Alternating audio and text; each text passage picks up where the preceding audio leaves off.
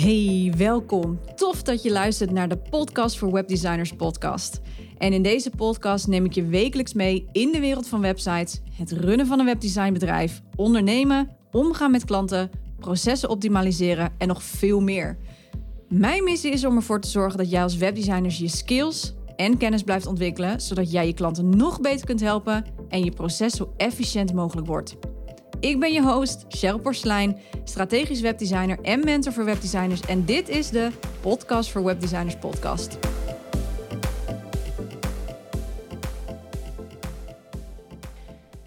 Hey, welkom bij een gloednieuwe aflevering van de podcast voor Webdesigners Podcast. En vandaag ga ik het met je hebben over, hm, ik noem het even rode vlaggen. En deze deel ik natuurlijk zodat jij daar sowieso rekening mee kan houden als je een website maakt voor je klant. Waar ik natuurlijk van uitga dat jij dat al doet. Maar dit is ook iets waar je over advies kunt geven aan je klant. Want weet dat jij als webdesigner meer doet dan puur en alleen websites bouwen. Je bent hier ook om je klant te adviseren. Nou, en ik deel vandaag 10 onderdelen met je die jij mag gaan onthouden, zodat je de juiste advies, maar ook de juiste feedback kan geven aan je klanten. En als jij, net als ik, in de herontwerp gespecialiseerd bent, dan is het zo dat je er misschien achter komt dat je niet altijd een volledig herontwerp hoeft te maken. Je kunt namelijk ook heel veel optimaliseren.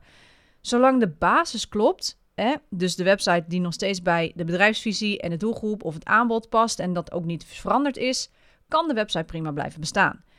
Wat je dan wel kan doen is optimaliseren. er zijn natuurlijk talloze onderdelen die je kunt doen om te optimaliseren. Maar hier geef ik een paar kleine punten die elke website nodig heeft om goed te blijven functioneren. En wat er voor een websitebezoeker ja, een rode vlag kan zijn als het er bijvoorbeeld niet is. Nou, je kunt denken aan als eerste een ontbrekende SSL-certificaat. Ik weet het, jij denkt hier nu, ja, hallo, dat doe ik al standaard. Maar als een website geen SSL-certificaat heeft, wordt de verbinding tussen de gebruiker en de website dus niet versleuteld. Dus er is, zit geen beveiliging op. Dat betekent dus dat de gegevens van de gebruiker kwetsbaar kunnen zijn voor eventuele hackers. Nou, gek genoeg zijn er nog steeds websites zonder geldig SSL-certificaat. Meestal zie je dit bij ondernemers die zelf de website hebben gemaakt, uh, maar die daar heel veel moeite mee hebben. zij kiezen namelijk vaak een, een, een, een enorm goedkope hosting, waar de SSL-certificaat nog wel eens los bij uh, aangeschaft moet worden, of die er gewoon niet standaard op wordt geïnstalleerd. Ik heb ze echt nog steeds voorbij zien komen. Sowieso is dat natuurlijk echt een no-go van zo'n hostingpartij. Dus dat is natuurlijk echt een rode vlag als het gaat om het kiezen van een hostingpartij. Dus aan jou als webdesigner om je klant te helpen de juiste veilige hosting te kiezen waar de SSL gewoon bij zit. Dus jij mag daar echt een advies in gaan geven. Daarom werk ik ook met een standaard hostingpartij. Natuurlijk hosting, daar werk ik al dik vijf jaar mee. Daar zitten 9 van de 10 van mijn klanten zitten daar. En ik vraag ook altijd, als ze bij mij komen, wil je alsjeblieft overstappen? Want ik weet zeker dat deze gewoon veilig is. Ik heb er goede ervaring mee. Ik heb in de afgelopen 12, 13 jaar natuurlijk heel veel hostings voorbij zien komen. Verschillende door mijn handen heen laten gaan. En tot nu toe is natuurlijk hosting echt de beste partij die ik heb kunnen kiezen. En die dus ook extra veilig is. Dan is er ook eentje die heel belangrijk is, ook voor jou als webdesigner, is onveilige inlogpagina's. En inlogpagina's heeft te maken met uh, certificaten. Dus het kan zo zijn dat je bijvoorbeeld dat de gewone pagina het wel goed op de HTTPS doet, maar de login pagina bijvoorbeeld niet. Nou, dat heeft te maken met dat er nog iets in zit wat over de HTTP gaat. Uh, heeft ook iets te maken met die SSL-certificaat en het kiezen van de juiste hosting en hoe je dat dan uploadt. En nou ja, noem het allemaal op. Dat is heel technisch, ga ik nu niet te ver op in. Maar ik wil het even vooral voor de academies, dus de online leeromgevingen, hebben. Want belangrijk hierbij is dat je altijd je klant adviseert een losse URL aan te maken voor überhaupt een online academie. dus laat dat niet op diezelfde marketingwebsite gezet worden. Dat zie ik nog echt heel erg vaak, want makkelijk één website. Maar dat heeft ook dus weer te, veilig, uh, te maken met veiligheid dus, uh, en de snelheid, daar kom ik zo op terug.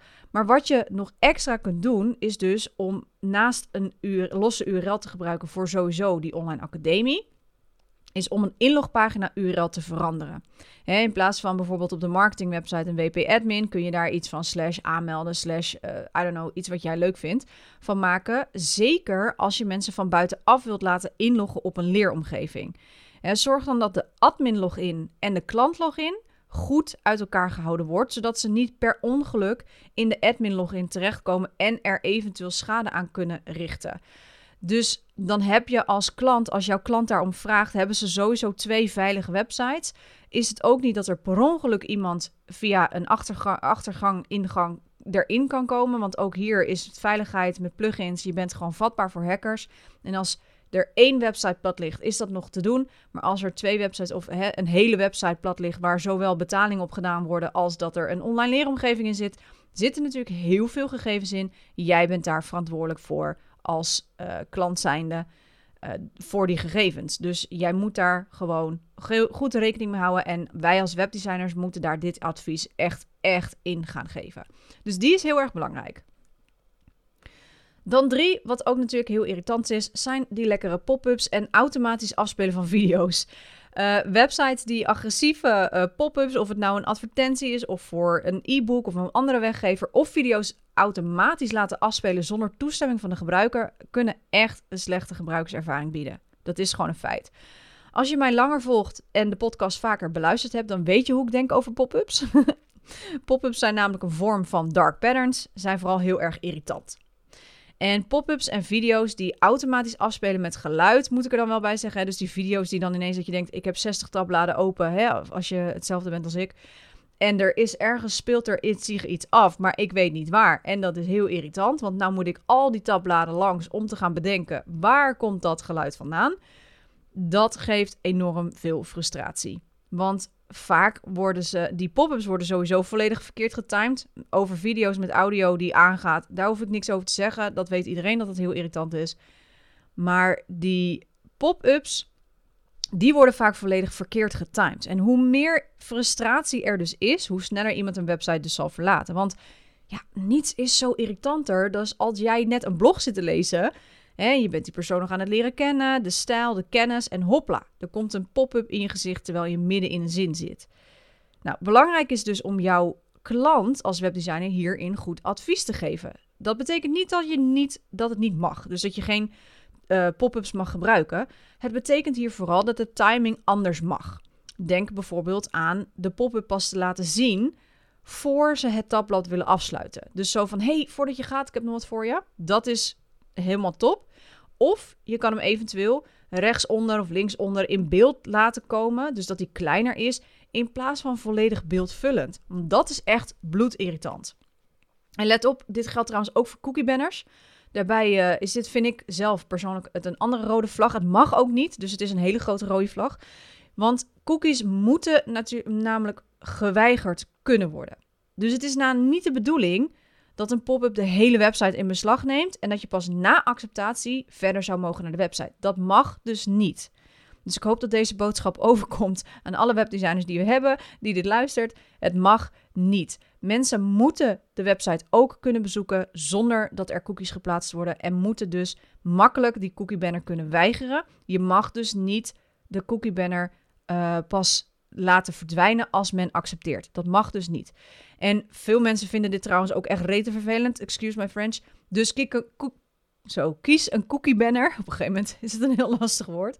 Dus kies een cookie banner plugin die dat niet doet. Dus die niet die volledige website in beslag neemt. En die dus gewoon wel een weiger- en een accepteerknop heeft. Eventueel nog zelfs met zelf instellen. Dus dat men zelf kan kiezen welke cookies er geplaatst wordt en wat niet. Dat is verplicht tegenwoordig. Dus hou daar rekening mee. Dan is een andere rode vlag vaak het ontbreken van contactgegevens of iets persoonlijks. Als een website namelijk geen duidelijke contactgegevens geeft, zoals bijvoorbeeld een adres of een telefoonnummer, dan kan dit de vertrouwen van de gebruiker verminderen en dat geldt ook voor persoonlijkheid. Ik moet erbij zeggen, contactgegevens zijn overigens tegenwoordig verplicht om op de website te zetten. In ieder geval je telefoonnummer, naam, KVK en een e-mailadres. Dat is sowieso verplicht. En eigenlijk ook je adres. Ik ben daar zelf wel voorzichtig mee. Ik zet daar bijvoorbeeld niet mijn huisnummer op, heb ik op mijn website, maar wel mijn straatnaam. Dus dan, nou ja, mag je voor mij zoeken, maar het is geen, het is geen bezoekadres. Dus ik ben daar wel heel voorzichtig mee met welke adresgegevens ik op de website zet. Maar als jij bijvoorbeeld een kantoor hebt met een bezoekadres, ja, dan moet je die erop zetten. Dus dat is wel even belangrijk om te weten dat die verplicht is. Daarnaast is het niet alleen verplicht, maar is het ook fijn om te weten, ja, zit er daadwerkelijk een persoon achter het bedrijf? En een voorbeeld daarvan is, en dan heb ik het ook meteen over dat stukje persoonlijkheid, is ik had laatst een call met iemand en dat bleek uiteindelijk een soort verkoopgesprek te zijn. Nou, uh, was ik niet heel blij mee. Anyhow, die website die ik bekeek, want ik ga altijd, ik check altijd nog steeds, dat doen heel veel mensen, ik ben er echt niet de enige in.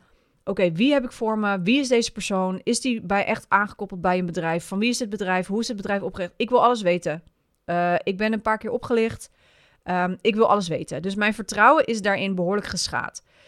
Nou, die website die ik, die ik bekeek van dit bedrijf, dit gaf mij serieus wel echt allerlei rode vlaggen. Nou had ik toevallig wel contact met een echt persoon, dus ik wist, het ging gewoon via LinkedIn, dus ik wist, er zit wel een persoon achter.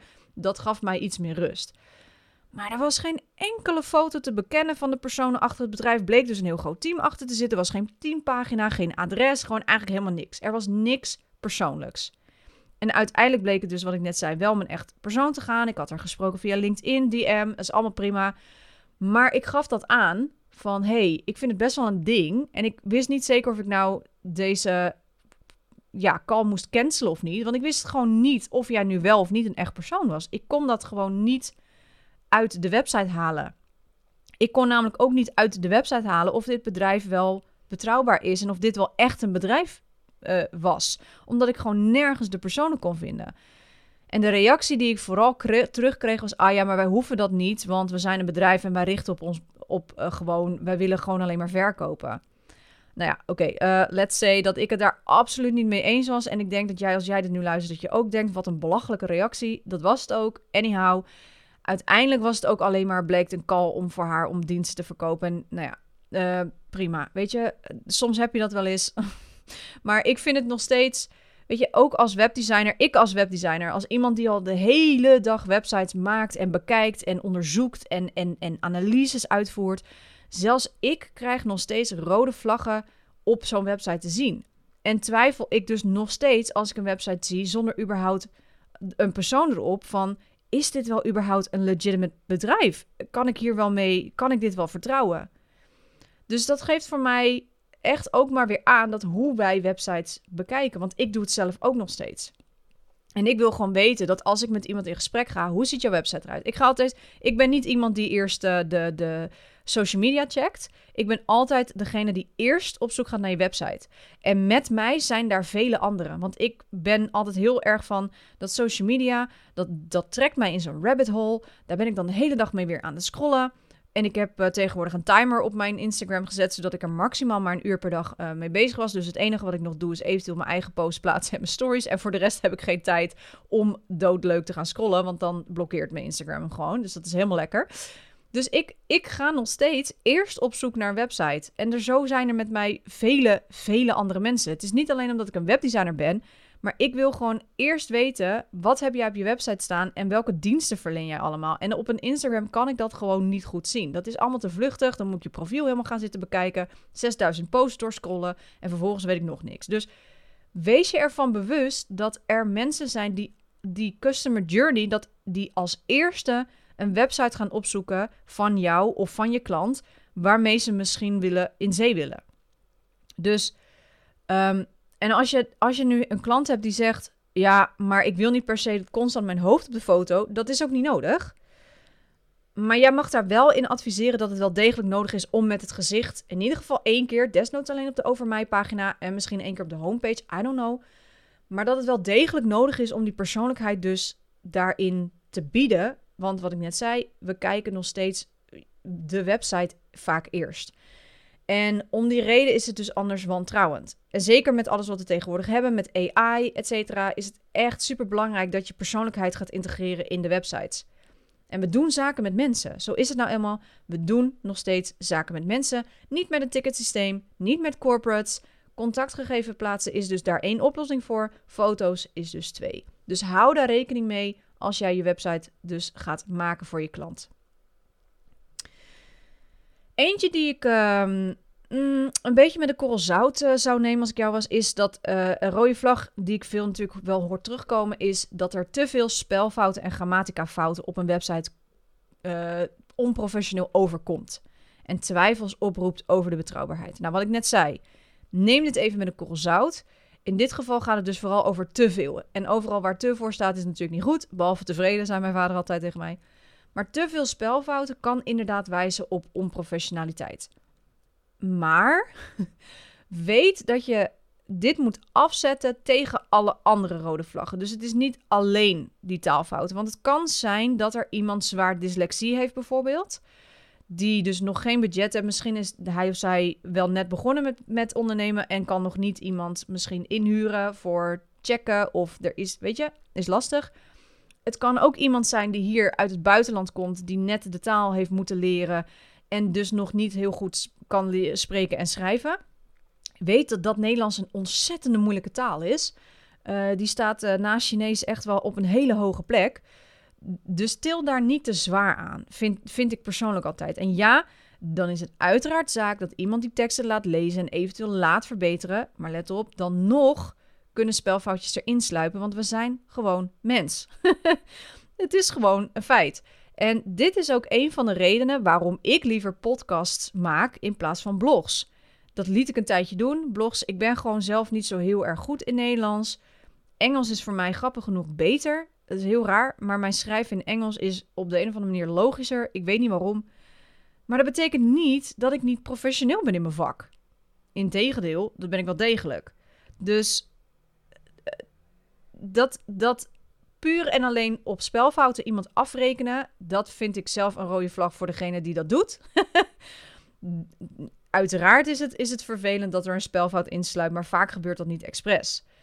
En als het de echte spuigaten uitloopt, ja, dan is het een rode vlag. En je kan daar ook zeg maar die spoofing mails mee. Um, nou ja, tegenwoordig is dat ook bijna niet meer, uh, niet meer te onderscheiden. Maar voorheen kon je nog wel eens zien dat er in, als er in een spoofing mail bepaalde fouten, typfouten zaten, dat, dat dat dan gewoon, dat je dan wist van het is nep. Nou ja, door de komst van AI is dat bijna niet meer te onderscheiden. Dus uh, ook daarin kun je natuurlijk nu gebruik van maken. Maar leg het daarom wel dus naast andere rode vlaggen. Ga eventueel eerst nog even in gesprek als je denkt van, hé, hey, wat is hier aan de hand? Dus um, ja, dat vind ik altijd een, pittige. Uh, als jouw klant dat heel erg veel moeite mee hebt, dan kun je nog ervoor zorgen van... hey, ik wil het best voor je nakijken. Of ga uh, kijken of je misschien met een copywriter kunt samenwerken. Of laat hem even door de chat GPT of chat... Nou, ik draai die letters, dat bedoel ik. Ik draai die letters altijd om. Dat je dat eventjes er doorheen gooit en zegt van... kun je even de spelfouten eruit halen? Dat is tegenwoordig gratis. Dus het zou in principe niet meer hoeven dat er spelfouten gemaakt wordt. Maar het kan dus voorkomen. Dus uh, voorkomen, moet ik zeggen, is andere klemtoon, hè? En dat bedoel ik dus met dat mijn Nederlands ook niet echt de beste Nederlands is die er bestaat. Dus vandaar dat ik een podcast opneem. Want dan kan ik mezelf gewoon verbeteren ondertussen. Nou, dan uh, de laatste vier stuks, of vijf stuks moet ik zeggen, want we zijn bij nummer uh, vijf volgens mij. Verouderde inhoud, dus niet alleen spelling, grammatica fouten, maar ook verouderde inhoud. Um, nieuwsbrieven, oude nieuwsbrieven, voorlopig, uh, aanbiedingen. Dat kan de, verloop, de geloofwaardigheid van websites echt enorm schaden. Verouderde inhoud kan duiden op dat websites verlaten zijn, niet meer worden onderhouden. Het kan ook betekenen dat de website niet meer bestaat of dat er iemand gewoon denkt, nou laat maar zitten. Dat vind ik eerder onprofessioneel dan die spelfouten. Tuurlijk gaat het ook nog steeds, wat ik zei, te veel is ook nooit goed. Maar als men besluit om de website te verlaten en oude ja, nieuwsbrief, nieuwsbrieven, blogs, uh, aanbiedingen erop te laten staan en vervolgens daar niks meer mee te doen, dat is voor mij een grotere uh, rode vlag dan die spelfoutjes. Want het kan dus gewoon zijn dat deze persoon gewoon denkt: ja, uh, ik, er staat gewoon een aanbieding op. En uh, ik ga gewoon zeggen: ja, die is niet meer geldig. En uh, die hebben ze pech. Hadden ze maar moeten lezen. Dus dat is heel erg belangrijk dat dat gewoon niet mag. Dat moet je gewoon niet doen. um, dus het kan bijvoorbeeld heel handig zijn bij je klant dat je data bij blogs plaatst. Of dat je aangeeft van tot wanneer deze aanbieding geldig is. En dan hem er ook laat afhalen of zelf eraf haalt voor je klant als die aanbieding niet meer geldig is. Tegenwoordig heb je daar met WooCommerce kun je daar timers op zetten. Dan zeg je gewoon, nou, tot en met deze datum is deze aanbieding geldig. En daarna verandert die weer automatisch terug naar de oude uh, bedrag. Het zijn zulke simpele dingetjes, maar die wel heel veel kunnen opleveren. Maar die ook heel veel kunnen breken als je het niet goed doet. Dus ook zelfs hierin kun je dat, uh, kun je dat uh, oplossen. Nou, dit is er één, die kennen we allemaal. De langzame laadtijd websites die langzaam laden kunnen gewoon echt gebruikers gewoon zeggen en frustreren en, en, en de website weer verlaten. Noem het allemaal op. Dat kan leiden tot een hoger bounce percentage, noemen we dat dan. Als jij je website hebt gekoppeld of de klant zijn website gekoppeld heeft aan Google Analytics, dan zie je daar een bounce percentage. Trage websites zijn gewoon vervelend. Daar is geen twijfel over mogelijk. Hoeven we ook niet over in discussie te gaan. Het is gewoon een feit dat trage websites gewoon strondirritant zijn. En zeker als we kijken naar zoekmachines, die geven natuurlijk voorrang aan snelle websites. Je kunt dus gewoon letterlijk klanten en omzet verliezen met een trage website. Zo simpel is het. Die bounce percentage, dat is een beetje koffiedik kijken. Til daar ook niet te zwaar aan. Want die bounce percentage, dat kan op twee manieren werken. Ja, één, je website is te traag of men kan de website niet genoeg snel vinden. Uh, of bedoel, ik bedoel de inhoud van de website niet genoeg snel genoeg vinden en verlaten dus heel snel die website. Het kan dus ook nog zo zijn dat het zoekwoord niet overeenkomt met wat de website uh, biedt. Hè? Dus dat je iets zoekt. Heb ik ook wel eens heel vaak dat ik een, een bepaald zoekwoord intyp en dan drie of vier websites eerst moet checken van klopt dit. En nou ja, die eerste drie websites heb ik al weggeklikt omdat ik weet van hey, dit komt niet overeen met mijn zoekresultaat. dus dat heeft ook invloed op de bounce percentage. Dat heeft invloed op de inhoud. Maar aan de andere kant kan het dus ook betekenen dat een bounce percentage juist positief is, een hoog bounce percentage. Want het kan namelijk betekenen dat je website zodanig snel is en men heel snel iets kan vinden, of dat het betaalproces bijvoorbeeld heel soepel verloopt, dat men er supersnel doorheen is. En dan is een bounce percentage ook hoog, maar is hij juist goed. En hoe sneller namelijk iemand van A naar B kan, hoe beter. Dus, dus dat is ook weer iets. Je moet dit in combinatie met een andere rode vlag of hè, iets zien om te kijken wat, wat maakt het dat die bounce percentage zo hoog is. En daarom is het dus ook belangrijk dat je je website gaat koppelen aan meerdere meettools. Dus als iemand zegt, ja, maar mijn bounce percentage is hoog. Oké, maar hebben we ook gekeken naar andere meettools, zoals een hotjar, waar je heatmaps mee kunt maken. En dat je kunt zien van hoeveel van die bezoekers klikken ergens op, hoeveel van die bezoekers gaan er doorheen. Uh, maar ook dat je met doelen, met conversiedoelen gaat werken in Google Analytics. Dus stel dat ook op een juiste manier in, zodat je op meerdere situaties kunt meten. Dat je kunt zien waar haakt iemand af, hoe lang doet iemand erover om op een pagina te komen. Hoe langer iemand op een pagina is, uh, is vaak beter. Maar dat heeft voornamelijk te maken met blogs. Als een blog namelijk goed is, dan zal men dat lezen. Dus dan is je bounce percentage weer lager, omdat men langer blijft op de website om die blog te lezen. En een blog kost nou eenmaal wat meer tijd om te lezen. Maar als iemand de, een, alleen een betaalproces en dat duurt heel lang, ja, dan, dan is dat weer scheef. Dus dat werkt dan ook weer niet. Dus vandaar dat je op allerlei verschillende situaties moet gaan meten en met meerdere meettools daar een completer plaatje van kan maken. In plaats van met één tool. Oké? Okay? Alright. Nog drie. Nummer 7 is de ontbrekende privacyverklaring. Een gebrek aan een duidelijke privacyverklaring kan, die, uh, nou ja, kan, kan ervoor zorgen dat men zoiets heeft van: wat wordt er nou precies gedaan met mijn gegevens? Uh, hoe worden ze beschermd? Noem het allemaal op. En sinds de komst van de AVG-wet is het gewoon verplicht om een privacyverklaring, net als je algemene voorwaarden, op die website te hebben staan. Zorg er dus voor dat als jij je klant adviseert, dat jij ook daarmee meteen adviseert: hey, regel even een privacyverklaring, regel even algemene voorwaarden. Tenminste, de algemene voorwaarden aan zich zijn niet verplicht, maar wel als je ze hebt, zet ze dan even op de website. Privacyverklaring is dus wel verplicht. Dus adviseer jouw klant ook om een privacyverklaring sowieso te laten maken en die op de website te plaatsen, omdat de AVG daar gewoon om vraagt. Het is ook nog zo dat als jij met een Molly werkt, dus jij werkt met die betaalsystemen, Molly zit natuurlijk gekoppeld aan zowel Plug and Pay, dus het is niet zo dat je daar dan geen eh, rekening mee moet houden. Of aan WooCommerce, uh, Stripe, et cetera, eh, begint te komen. Maar ook daarin is het gewoon heel erg belangrijk. Zij willen allemaal, al die betaalsystemen met wat je ook werkt, willen allemaal dat jij de algemene voorwaarden erop zet. Privacyverklaring, het liefst nog een disclaimer. En als jij echt een webshop hebt met fysieke producten die je verstuurt, dat er ook nog een document komt te staan met hoe het werkt als je dingen terug moet sturen. Dus retourneren. Retourneringsbeleid. Die moet erop staan. Dat is verplicht. als dat er niet op staat, dan keurt Molly dus de website af. Dus dan kun je ook geen betalingen doorkrijgen totdat jij die documenten op je klant website heeft gezet. Dus hou daar rekening mee. Is gewoon verplicht. Heel klein dingetje. Maar ja, uh, is dus echt wel een belangrijk onderdeel. Nummer 9 is dus een niet reagerend ontwerp. Dat is een heel raar woord wat ik nu zeg, niet reagerend. Maar dat heeft er te maken dat websites die niet goed werken op mobiele apparaten of andere schermformaten, formaten, dat mensen dus gewoon die website verlaten. Want dit is ook echt een bloedirritante. Dat je, het gebeurt wel eens dat door plugins die bijvoorbeeld niet goed geüpdate worden, die achterblijven, die niet meer worden gemaakt door de mensen die de plugins hebben gemaakt. Het kan zijn dat je met een template werkt, die is verlaten door de maker, dus ook daar weer geen updates over gekregen hebt. Die werken niet meer op een gegeven moment. Het zij dat er met andere plugins of met de nieuwe WordPress-versie, dat heb je ook nog wel eens, dat daar iets mee clasht. Dat komt, dan kan het voorkomen dat een website gewoon niet meer goed laat. Dat ligt altijd aan die een van die drie of vier dingen. Hè? Dus WordPress-versie. Wees dus ook heel voorzichtig met het updaten naar een nieuwe WordPress-versie. Uh, het beste is om de WordPress-versie pas te updaten als er een punt 1, het liefst nog zelfs een punt 2 achter staat. Dus niet de beta of de alpha, um, hoe noem je dat? Versies, sorry. Dus 6.4, 6.5, 6.6. Pas updaten als er staat 6.4.1, 6.4.2. Want dan is alles getest en zijn de meeste bugs eruit. Plus alle plugins zijn ondertussen ook weer up-to-date.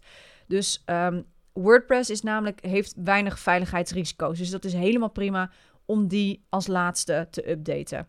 Plugins zijn daarin wel een belangrijke. Uh, die moeten wel gewoon blijven, blijven geüpdate worden. En thema's ook.